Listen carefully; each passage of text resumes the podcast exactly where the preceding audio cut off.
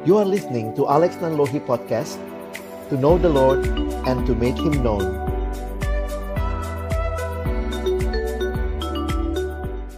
Mari berdoa sebelum kita membaca merenungkan firman Tuhan. Kami kembali datang dalam ucapan syukur, terima kasih karena Tuhan terus boleh memberkati hidup kami. Tuhan terus memberikan kesempatan kami bertumbuh. Sore hari ini kembali kami akan membuka firman-Mu. Kami mohon ya Tuhan, bukalah juga hati kami, jadikanlah hati kami seperti tanah yang baik supaya ketika benih firman-Mu ditaburkan itu boleh sungguh-sungguh berakar, bertumbuh, dan juga berbuah nyata di dalam hidup kami.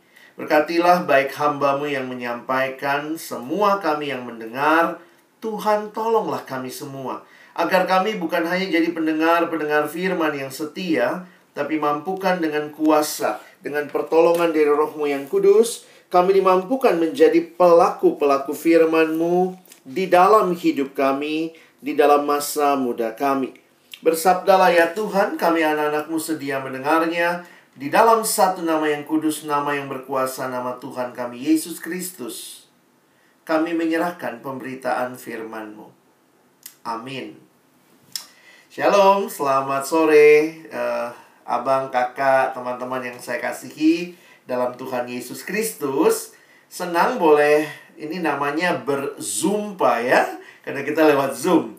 Nah, sore hari ini uh, Abang bersyukur boleh sharing firman Tuhan dengan teman-teman sekalian untuk juga kita memikirkan tema yang menarik ini ya, wise teenager. Emangnya kenapa sih banyak ya anak remaja, anak muda yang tidak wise gitu kali hidupnya ya.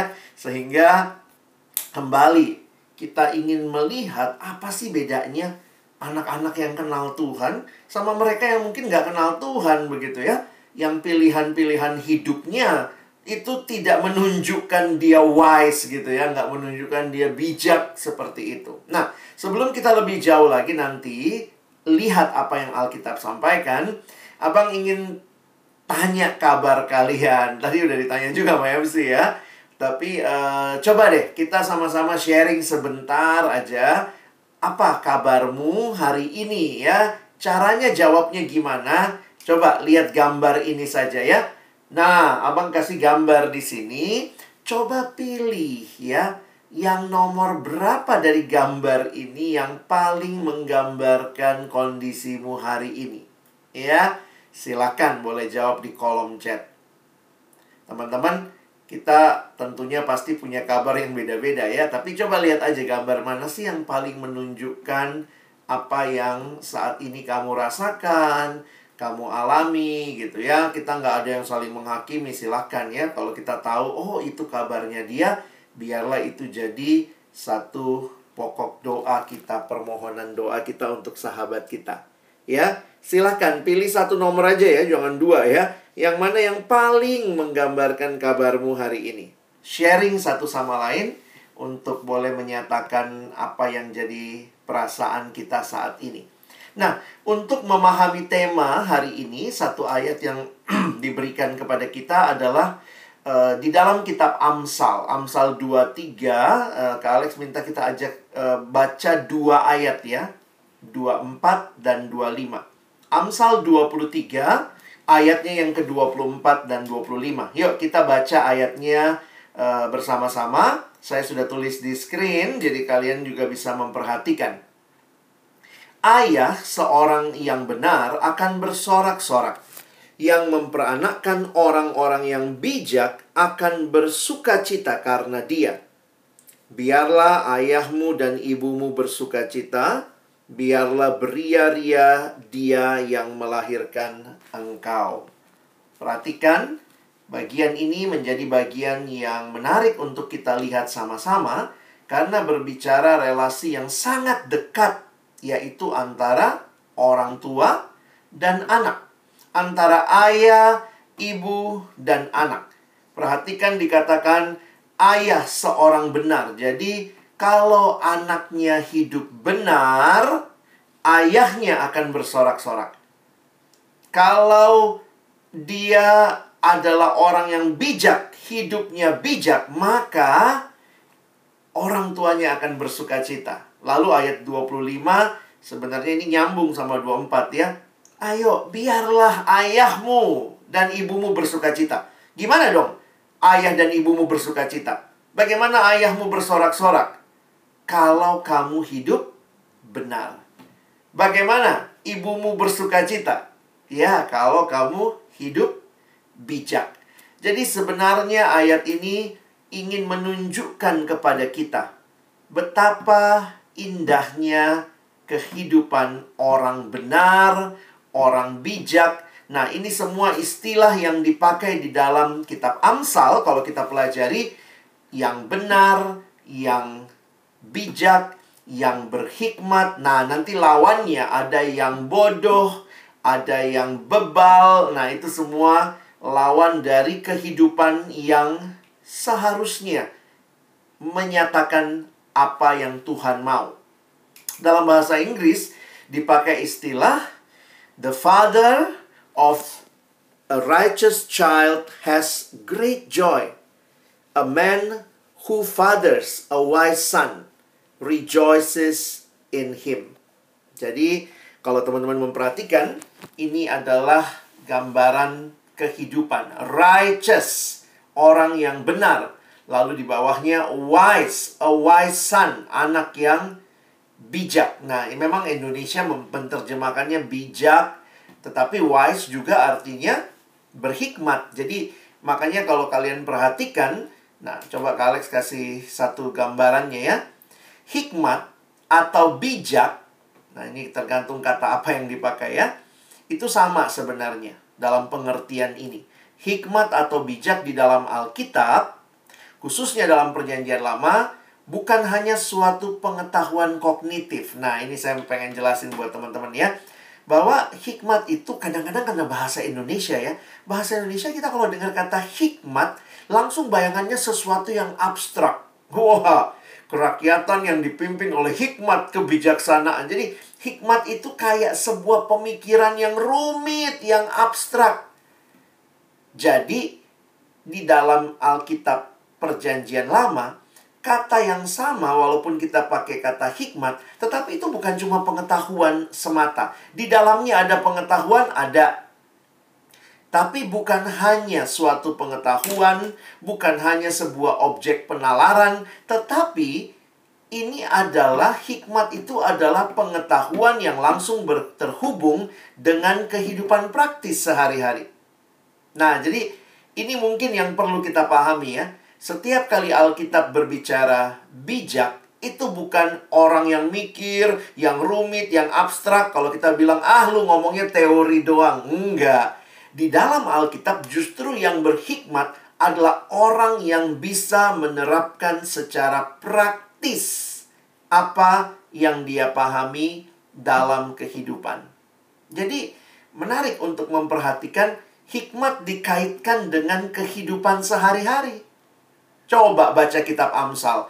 Misalnya, janganlah uh, janganlah sering-sering datang ke rumah uh, tetanggamu begitu ya. Jangan sering-sering bertamu. Nanti dia bosan sama kamu. Itu ada loh nasihat seperti itu. Jadi hikmat itu bukan sebuah pengertian ngejelimet ya. Karena Jangan-jangan kita mikirnya kayak gitu gara-gara di bahasa Indonesia kata hikmat itu kayaknya sesuatu yang sangat abstrak. Nah, karena itu, kalau teman-teman perhatikan kitab Amsal, itu nasihat kehidupan sehari-hari. Orang yang bijak, orang yang berhikmat adalah orang yang hidup sehari-harinya menerapkan hikmat itu. Nah, jadi lihat ya, ini sebuah kesimpulannya. Dalam arti luas, hikmat di dalam Alkitab adalah keterampilan untuk hidup. Life hacks gitu ya. Keterampilan sehari-hari. Itu seni menjalani hidup yang baik dan benar. Nah, jadi teman-teman ingat ya, hikmat sekali lagi bukan yang abstrak-abstrak, yang ngejelimet, yang kayaknya susah dicerna, tetapi Alkitab berbicara hikmat adalah bagaimana keterampilan hidup sehari-hari. Nanti kalian baca kitab Amsal itu kan kitab hikmat. Gimana bertetangga bagaimana hidup bersahabat, kenapa nggak boleh mabok gitu ya.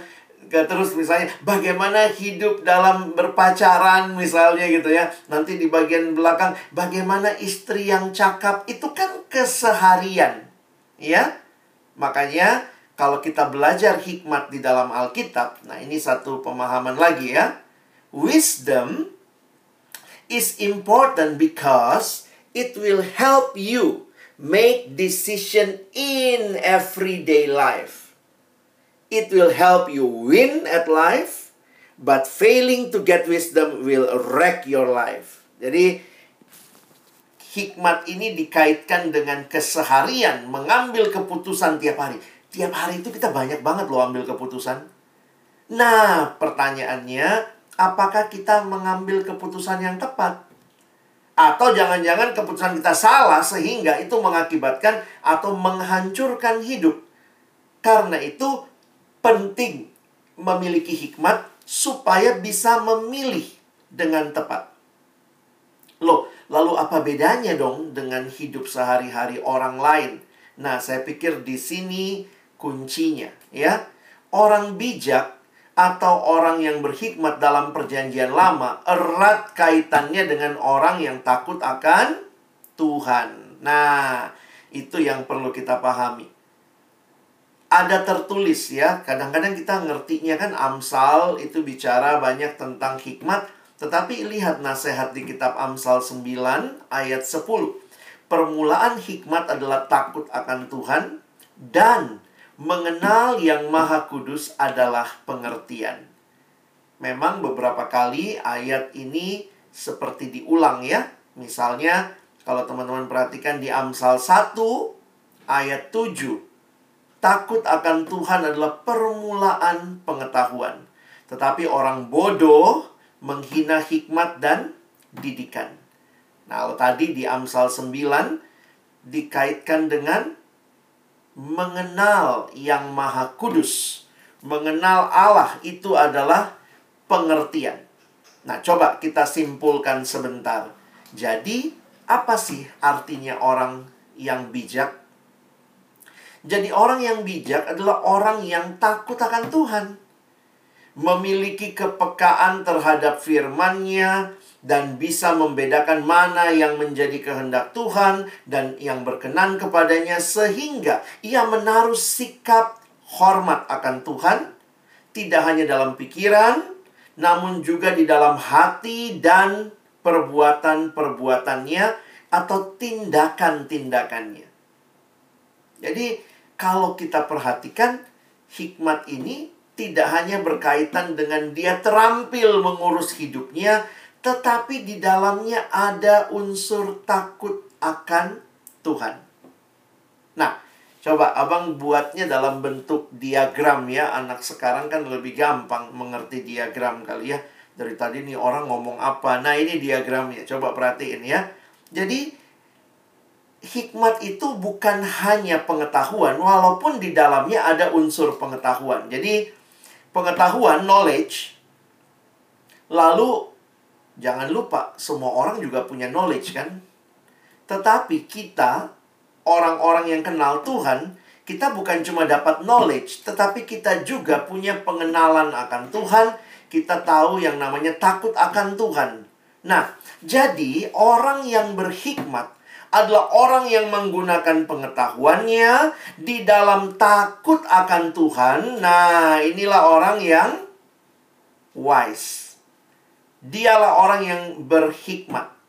Jadi kalau ditanya sebenarnya hikmat itu apa sih? Saya sih melihatnya kombinasi antara pengetahuan dan rasa takut akan Tuhan, hidup menuruti kehendak Tuhan, hikmat ini akan menolong kita. Menolong untuk apa? Menolong kita untuk membuat pilihan-pilihan supaya kita hidup baik dan benar.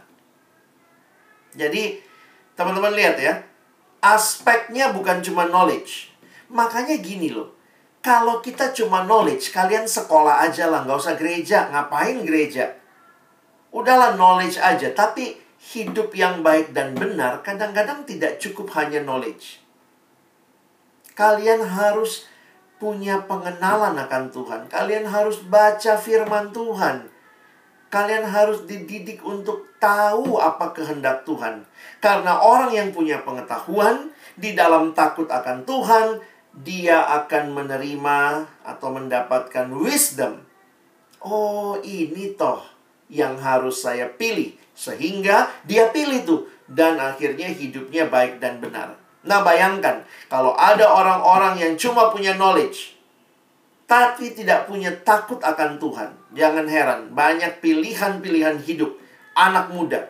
Rasanya gue tahu tuh, gue ngerti tuh, udah pernah ngelihat. Kita mungkin merasa I have the whole knowledge, but be without heart that fear of the Lord.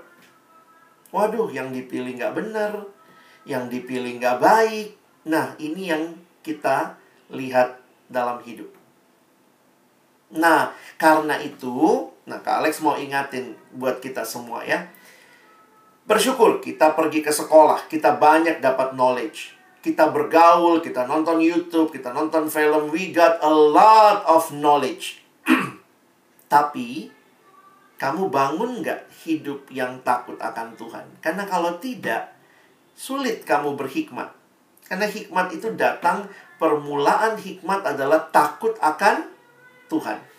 Jadi teman-teman ayo bangun hidup kita yang takut akan Tuhan. Jadi bagaimana menjadi berhikmat? Ayo kita bangun hidup yang mengenal Tuhan, makin hari makin mencintai Tuhan dan firman-Nya.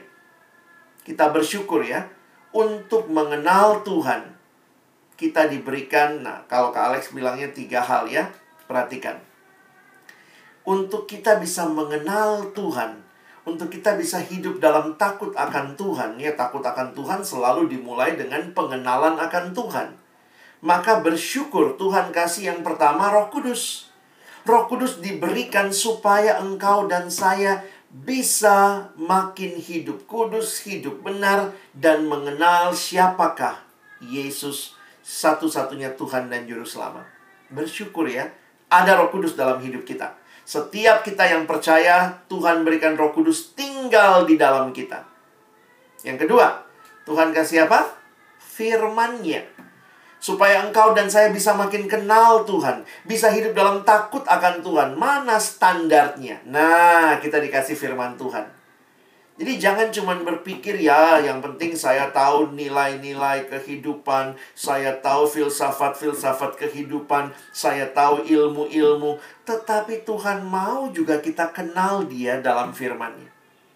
Karena firman itu akan menuntun kehidupan kita. Dan Tuhan kasih apa lagi? Komunitas, teman-teman. Tuhan kasih kita saudara-saudara seiman, ya kita di gereja ada PA remaja seperti ini. Kita mungkin juga di sekolah ada persekutuan siswa. Di sekolahmu mungkin ada anak-anak yang membentuk pelayanan yang sama-sama bertumbuh di dalam Tuhan. Kita butuh komunitas. Komunitas yang menolong kita juga untuk bisa hidup benar, hidup baik. Jadi, teman-teman lihat ya. Untuk berhikmat, kita butuh bukan hanya pengetahuan, kita butuh kehidupan yang takut akan Tuhan dan Tuhan sudah kasih nih. Tuhan kasih Roh Kudus, Tuhan kasih firman, Tuhan kasih komunitas. Nah, kalau kamu sudah mengalami semuanya itu, nah, Abang harap kalian bisa mengalami hidup dengan berhikmat. Jadi, jangan bicara hidup berhikmat hanya karena gue rajin nonton YouTube tuh. Gue suka lihat tuh.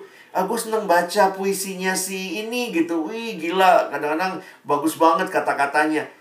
Banyak hal yang saya lihat. Dunia ini sebenarnya kalau kita gali Alkitab udah bicara itu gitu ya.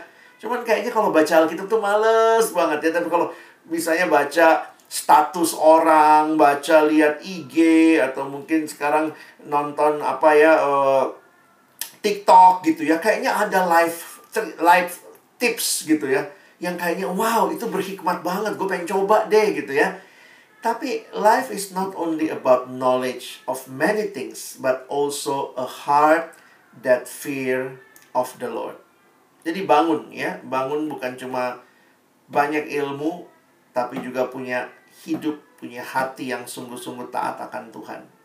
Nah, teman-teman, di dalam dunia ada istilah ini ya, misalnya ada yang bilang, iya nih itu hikmat Tuhan. Ada yang bilang, oh itu hikmat manusia. Nah, di dalam Alkitab sendiri, khususnya nanti kalau kalian belajar kitab Yakobus, Yakobus juga berkata, hikmat yang dari atas dan hikmat yang dari bawah. Nah, maksudnya dia mau membedakan yang dari atas itu hikmatnya Allah, tetapi juga yang dari bawah itu hikmatnya manusia. Lalu kemudian kalian nanya, loh, kalau kita ada dua hikmat dong, Bang? Nah, sebenarnya nggak begitu ya. Karena kita memahami seluruh hikmat itu sumbernya dari Allah. Ini ditulis di Amsal 2 ayat 6. Karena Tuhanlah yang memberikan hikmat dari mulutnya datang pengetahuan dan kepandaian. Jadi bahasa Inggris menggunakan all wisdom comes from the Lord and so do common sense and understanding. Jadi Allah itu adalah sumber dari segala hikmat, segala sesuatu berasal dari Allah. Jadi kalau kita membaca istilah hikmat Allah, hikmat manusia, ini bukan menunjukkan ada dua sumber hikmat. Melainkan istilah hikmat Allah, hikmat manusia ini menunjukkan kedekatan orang yang berhikmat. Maksudnya apa? Coba lihat ya. Manusia itu kan mempunyai kemampuan berpikir dengan otaknya, namun ada yang memakai pikirannya untuk memuliakan Allah, tetapi tidak sedikit juga yang justru menista Allah. Nah, ini yang kadang-kadang abang pikir ya. Kita itu Tuhan kasih kemampuan segala macam, tapi pertanyaannya, kita pakai untuk apa? Yang disebut hikmat Allah adalah hikmat yang sejalan dengan ketetapannya Allah. Sejalan dengan kehendak Allah, dengan firman Allah. Sementara hikmat manusia adalah hikmat yang itu dari Allah juga, tetapi manusia pakai dengan kekuatan dirinya sendiri dan mencoba melawan Allah. Sehingga inilah realita akibat kejatuhan manusia ke dalam dosa. Manusia lupa penciptanya. Bahkan tampil melawan Allah. Kadang-kadang saya mikir gitu, contohnya apa ya? Oh, Tuhan kasih kemampuan, pengetahuan khususnya anak milenial ya, anak-anak zaman sekarang gile jago banget komputernya jago banget bisa luar biasa teknologinya. Tapi ini pertanyaannya, dipakai memuliakan Allah kah? Atau teknologi, kemampuan, pemikiranmu yang luar biasa karena tidak ada hati yang takut akan Tuhan, jadinya cuma hikmat manusia. Emangnya apa? Banyak yang pintar komputer, ternyata memakainya untuk ngehack gitu ya Nah, itu jadi ngeri tuh. Uh, bisa nipu-nipu IP ya karena mau download-download yang porno misalnya gitu. Jadi itu kan dia punya kemampuan Allah kasih hikmat, Allah kasih pengertian tetapi dipakai untuk untuk tidak melakukan kehendak Allah. Jadi kalau saya lihat gitu ya, generasi Kalex dengan kalian kan kita mungkin ya jauh lah ya bedanya ya. Tetapi dari dulu sama tuh kecenderungannya. Memakai apa yang dimiliki untuk melawan Allah, melakukan hal-hal yang tidak sesuai dengan kehendak Allah. Jadi hati-hati kalau ternyata yang terjadi hanyalah hikmat manusia. Kamu pakai hikmat yang Tuhan berikan justru untuk melawan Allah orang tua tuh kadang nggak terlalu ngerti komputer anaknya ngerti komputer wah kalau orang tuanya nggak ada yang dipakai buka porno lah download segala macam kalau orang tuanya lewat minimize. Orang tua nggak ngerti nggak tahu gitu ya. Tapi ya begitu.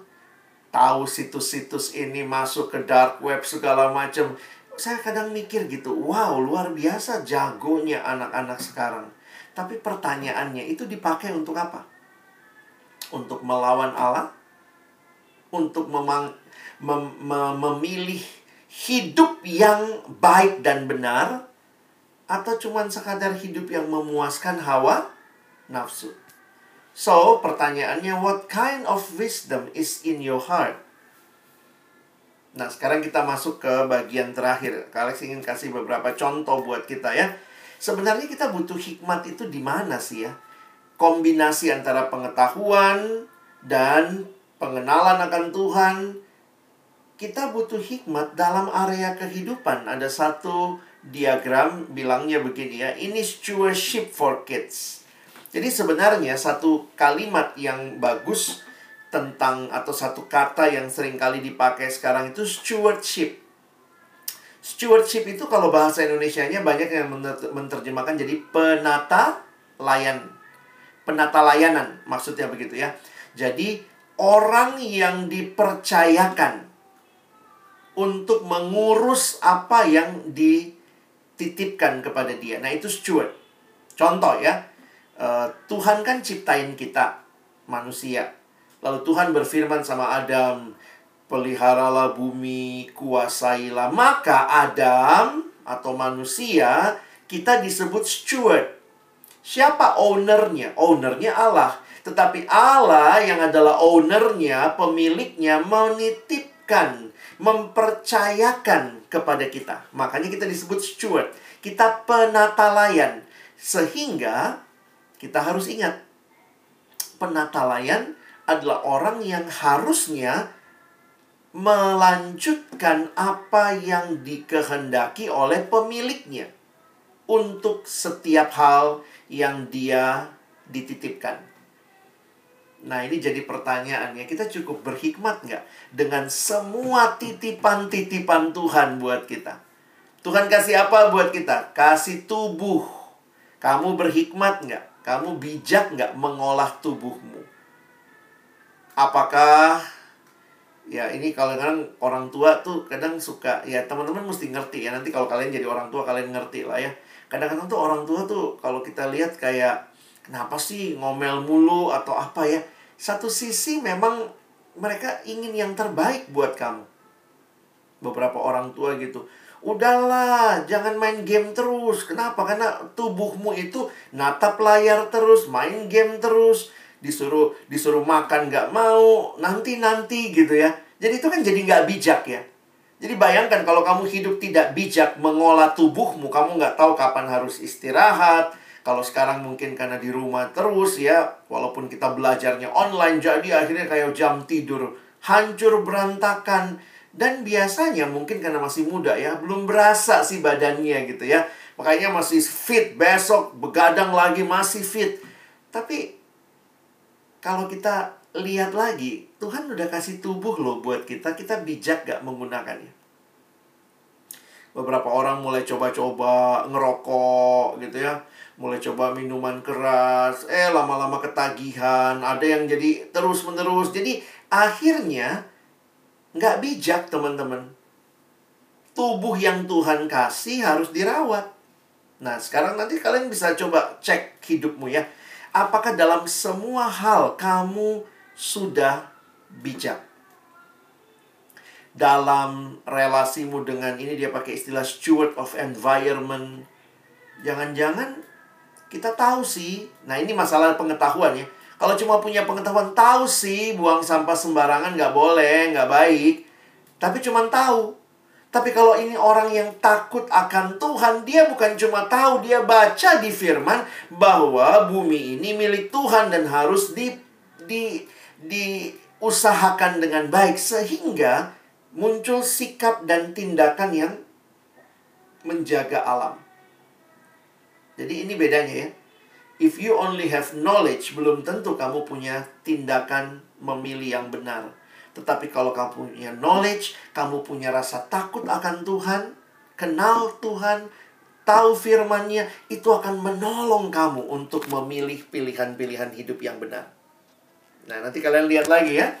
Gimana me menjadi penata layan talenta yang Tuhan pakai, kemampuan yang Tuhan pakai kadang-kadang kalau abang lihat tukang copet ya tukang copet itu kan sebenarnya punya kemampuan bergerak cepat ya bukannya jadi seksi perlengkapan di gereja eh malah copet gitu ya jadi dia pakai itu kemampuan gerak cepatnya untuk merusak dan menggunakan untuk keinginan pribadinya Jadi nggak bijak gitu ya. Bagaimana menggunakan waktu? Nah, ini menarik nih. Teman-teman pakai waktu dengan baik nggak? Yang kayak saya bilang tadi ya, jangan-jangan kita main game berlebihan, nonton drakor berlebihan, sampai lupa kita tugasnya mahasiswa, tugasnya siswa, tapi tidak memberi waktu yang terbaik untuk melakukan tanggung jawab kita. Bayangkan kalau ada ya nantilah kalau kalian jadi orang tua, tapi kalian cobalah coba tempatkan dirimu kalau kamu jadi orang tua dan kamu lihat hidupmu sekarang yang maaf bisa jadi kamu nggak bertanggung jawab, tidak bijak menggunakan waktu, tidak bijak menggunakan tubuh dengan baik gitu ya. Nah, itu pasti orang tua sedih ya. Nggak ada joy tuh, nggak ada sorak-sorai. Tapi kalau anaknya bijak, orang tua dikatakan akan wow gitu ya. Nah ini ada lagi masalah uang. Nah saya nggak tahu sih kalau masih remaja gimana nih dengan uang. Tapi ya ini juga realitanya kan sekarang gampang banget beli sesuatu tinggal klik, tinggal pencet gitu ya. Jadi kadang saya mikir gitu, uang, possession. Beberapa anak muda beli barang itu, nah ini juga saya dulu karena belajar iklan.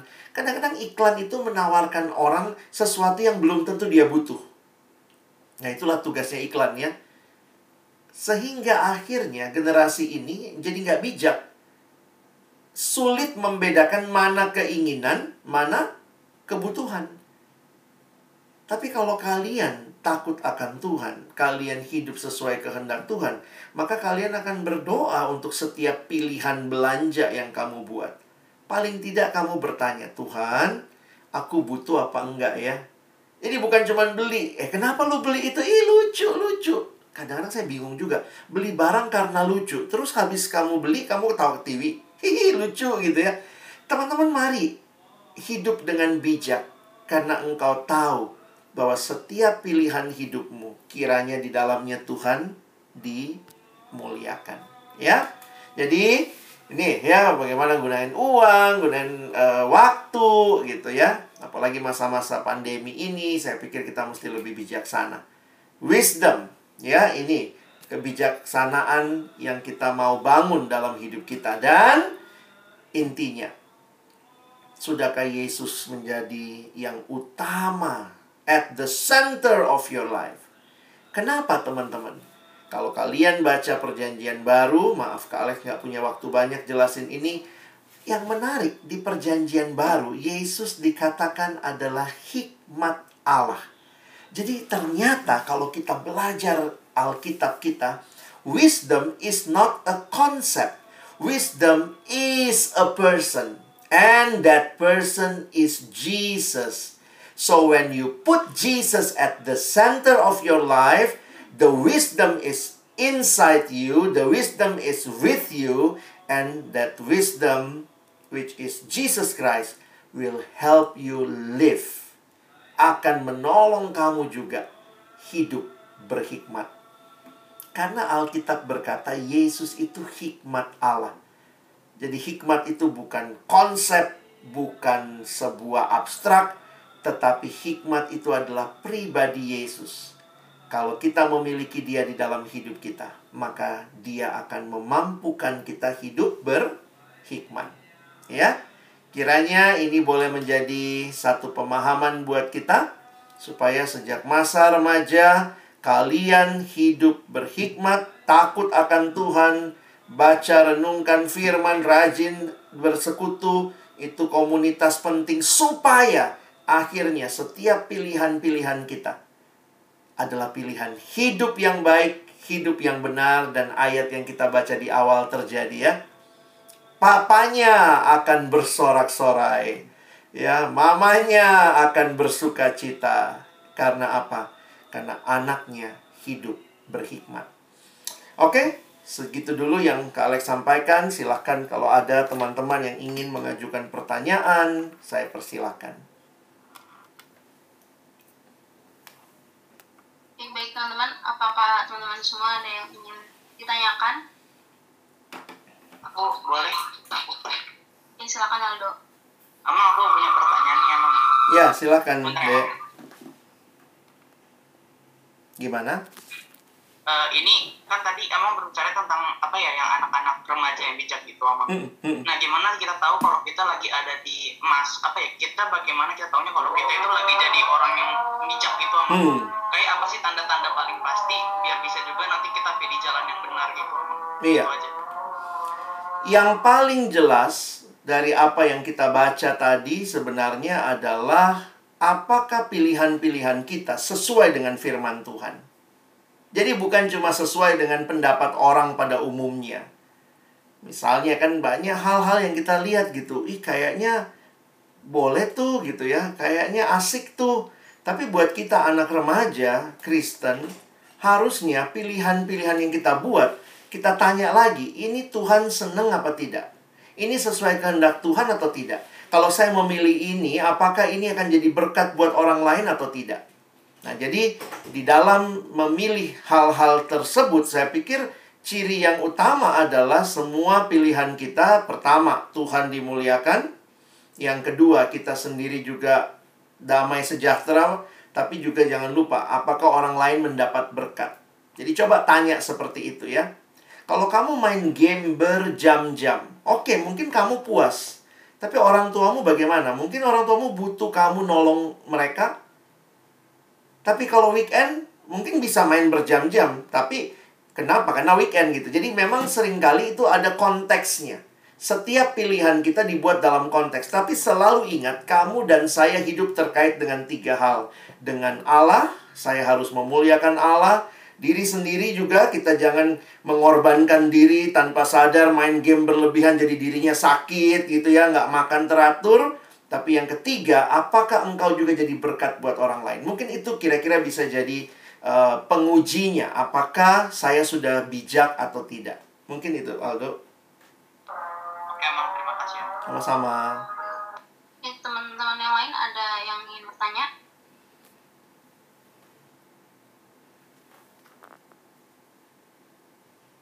Iya, silakan. Gerald. Emang cara supaya gampang jadi bijak. Baca kitab suci, doa tiap hari kalau mau bijak. ya, tentu ya dua hal ya karena ingat tadi wisdom itu ada pengetahuan. Jadi jangan juga berkata, pokoknya saya baca Alkitab aja, nggak mau sekolah, nggak mau baca yang lain, nggak mau menambah wawasan, nggak. Kalau kalian baca kitab Amsal, misalnya gini, Hai orang pemalas, belajarlah pada semut. Kita disuruh nonton Animal Planet itu ya. Kenapa? Karena dari dunia yang Tuhan ciptakan banyak hal-hal indah, hal-hal baik. Tetapi jangan lupa dunia juga udah jatuh dalam dosa. Karena itu kita tidak hanya butuh pengetahuan, tetapi kita juga butuh firman untuk mengarahkan sehingga pengetahuan itu jangan kita anggap semuanya pasti selalu benar. Karena pengetahuan itu sendiri setelah dunia jatuh dalam dosa banyak yang nggak tepat. Contoh, kadang-kadang kalau lihat begini ya, anak muda sekarang itu slogannya ya, follow your heart, ikuti hatimu. Saya lama-lama mikir-mikir juga gitu ya, kayaknya tuh banyak orang yang kayaknya terbebaskan. Just follow my heart, sekarang ini gua, ini hidup gua. Itu kayaknya slogan anak muda di mana-mana. Tapi waktu eh, Amang cari di Alkitab, nggak ada tuh follow your heart. Berarti saya harus bisa memilih bahwa bukan follow your heart. Ternyata Alkitab bicaranya follow God's word, ikuti firman Tuhan.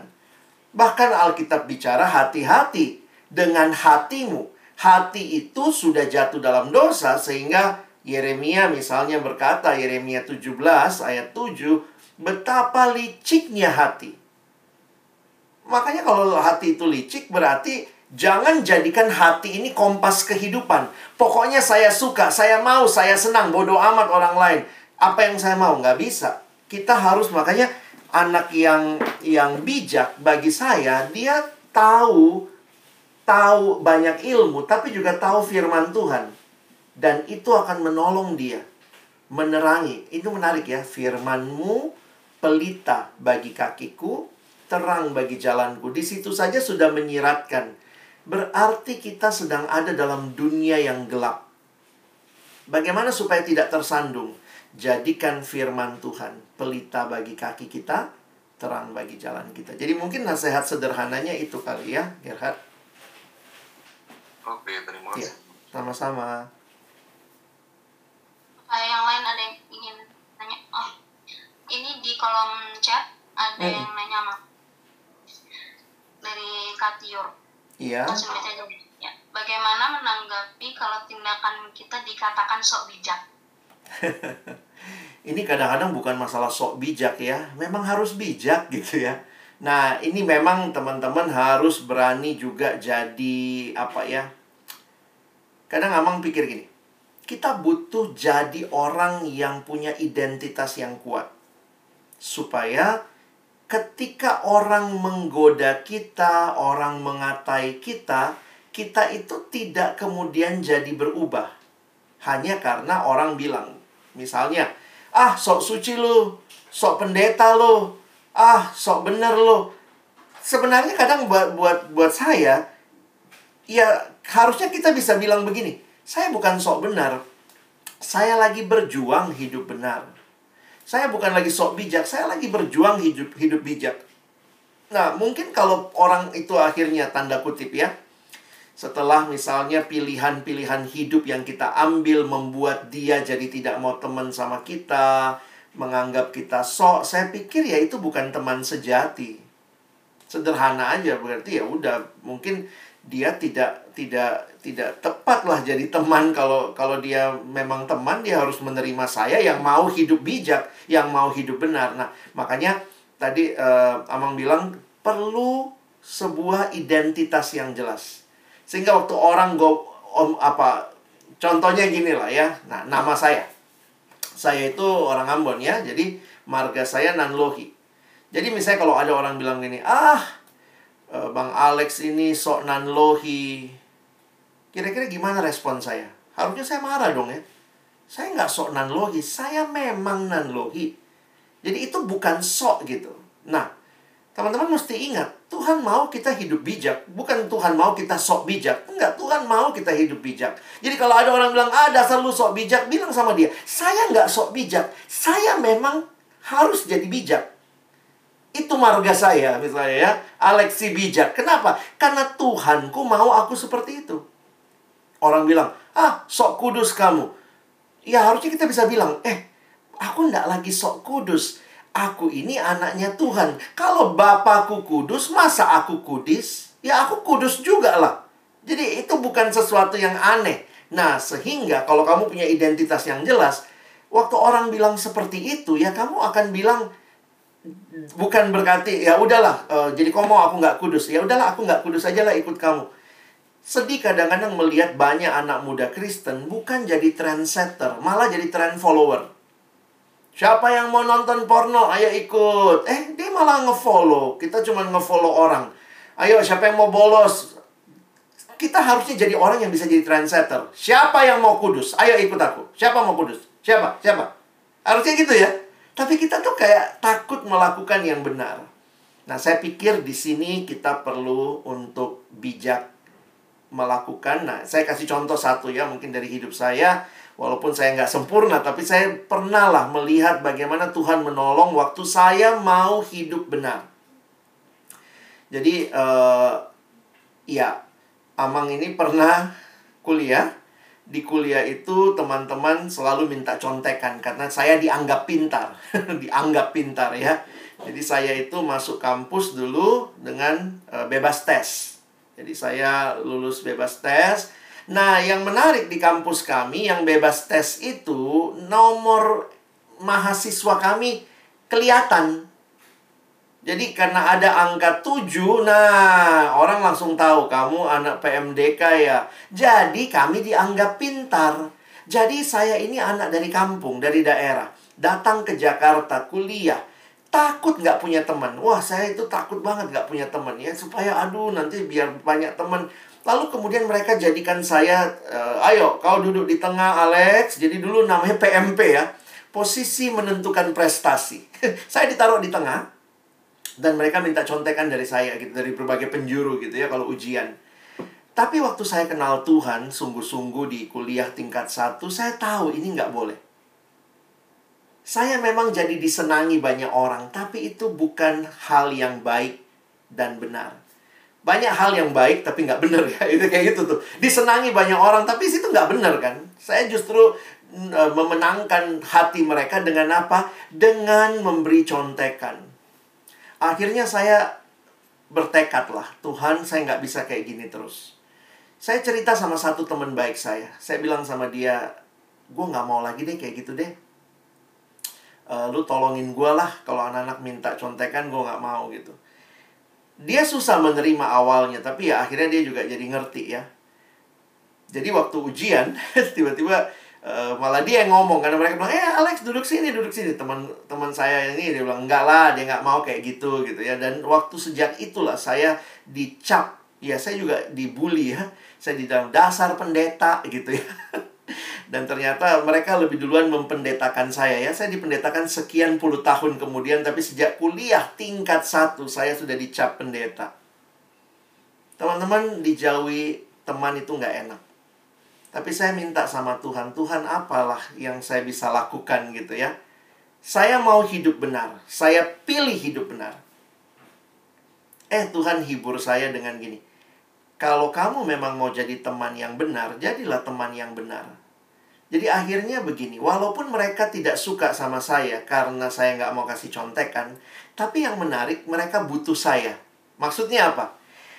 Karena saya sering masuk kuliah dan saya duduk paling depan, catatan saya paling lengkap. Jadi catatan Amang ini paling lengkap lah ya. Jadi kalau mau ujian, semua cari saya. Kenapa? Pinjam catatan. Nah, di situlah saya melihat Tuhan menghibur saya mereka memang dalam kebenaran tidak temenan sama kamu karena kamu nggak mau nyontek ya. Tetapi ternyata mereka butuh kamu. Nah, jadi akhirnya saya tetap punya temen. Waktu ujian tiba-tiba banyak yang baik sama saya. Dan lama-lama kalau itu udah terbiasa, akhirnya orang nggak lihat kita lagi sebagai orang sok kudus ya. Eh, emang dia nggak mau kasih contekan, tapi bisa dipinjam catatannya sebelum ujian. Jadi saya cuma mau bilang begini kalau kamu mau bijak untuk hidup benar, miliki kualitas. Karena ketika kamu punya kualitas, saya punya kualitas catatan saya lengkap. Sehingga walaupun saya tidak kasih kamu contekan, dalam ujian kita musuhan. Saya nggak mau kasih contekan. Tetapi dalam kualitas saya mencatat dengan baik dan saya bisa pinjamkan kalau kamu mau, maka orang akan melihat kamu. Jadi lebih baik kamu dikenal bukan sebagai sahabat yang uh, dalam dosa ya. Biarlah Tuhan uh, orang mengenal kamu jadi sahabat dalam kebenaran. Mungkin itu yang saya bisa sampaikan. Kedua, kalau menurut saya itu hmm. adalah keberanian. Karena untuk menjadi uh, remaja yang bijak pasti kita tuh uh, dilanda banyak pergumulan dan hmm. dari pergumulan itu pasti kita ada ada hal yang bikin kita takut untuk maju untuk berbuat bijak hmm. entah entah untuk menolong teman atau menasihati teman itu pasti uh, kita uh, banyak banget rasa takutnya hmm. Thank you. Ini ini Krisanti atau Ezra? Uh, Ezra loh. Oh Ezra. Thank you Ezra. Good answer. Silakan Mungkin satu teman lagi yang bisa coba menjawab pertanyaan saya tadi. Silakan.